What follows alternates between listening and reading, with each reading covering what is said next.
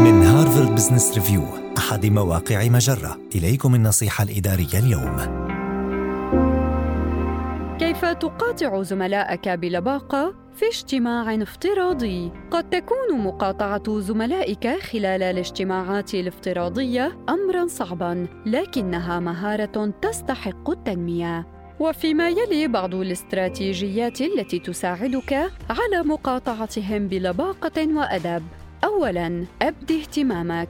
تجنب أن تبدو شخصاً مزعزعاً من خلال الإشارة إلى رغبتك بالمشاركة في الحديث باستخدام ميزة رفع اليد في البرنامج الذي يعقد الاجتماع عبره أو إلغاء تفعيل الصوت أو تشغيل الكاميرا أو الإفصاح عن رغبتك بالمشاركة في الدردشة أو رفع يدك فعلياً إذا كان الاجتماع يعقد عبر مكالمة فيديو. ثانياً، جرب استراتيجية نقل الصلاحيات. راجع جدول الأعمال قبل اجتماع الفيديو وأخبر ميسر الاجتماع بالموضوع الذي ترغب بالمساهمة فيه لكي يدعوك للمشاركة في الوقت المناسب.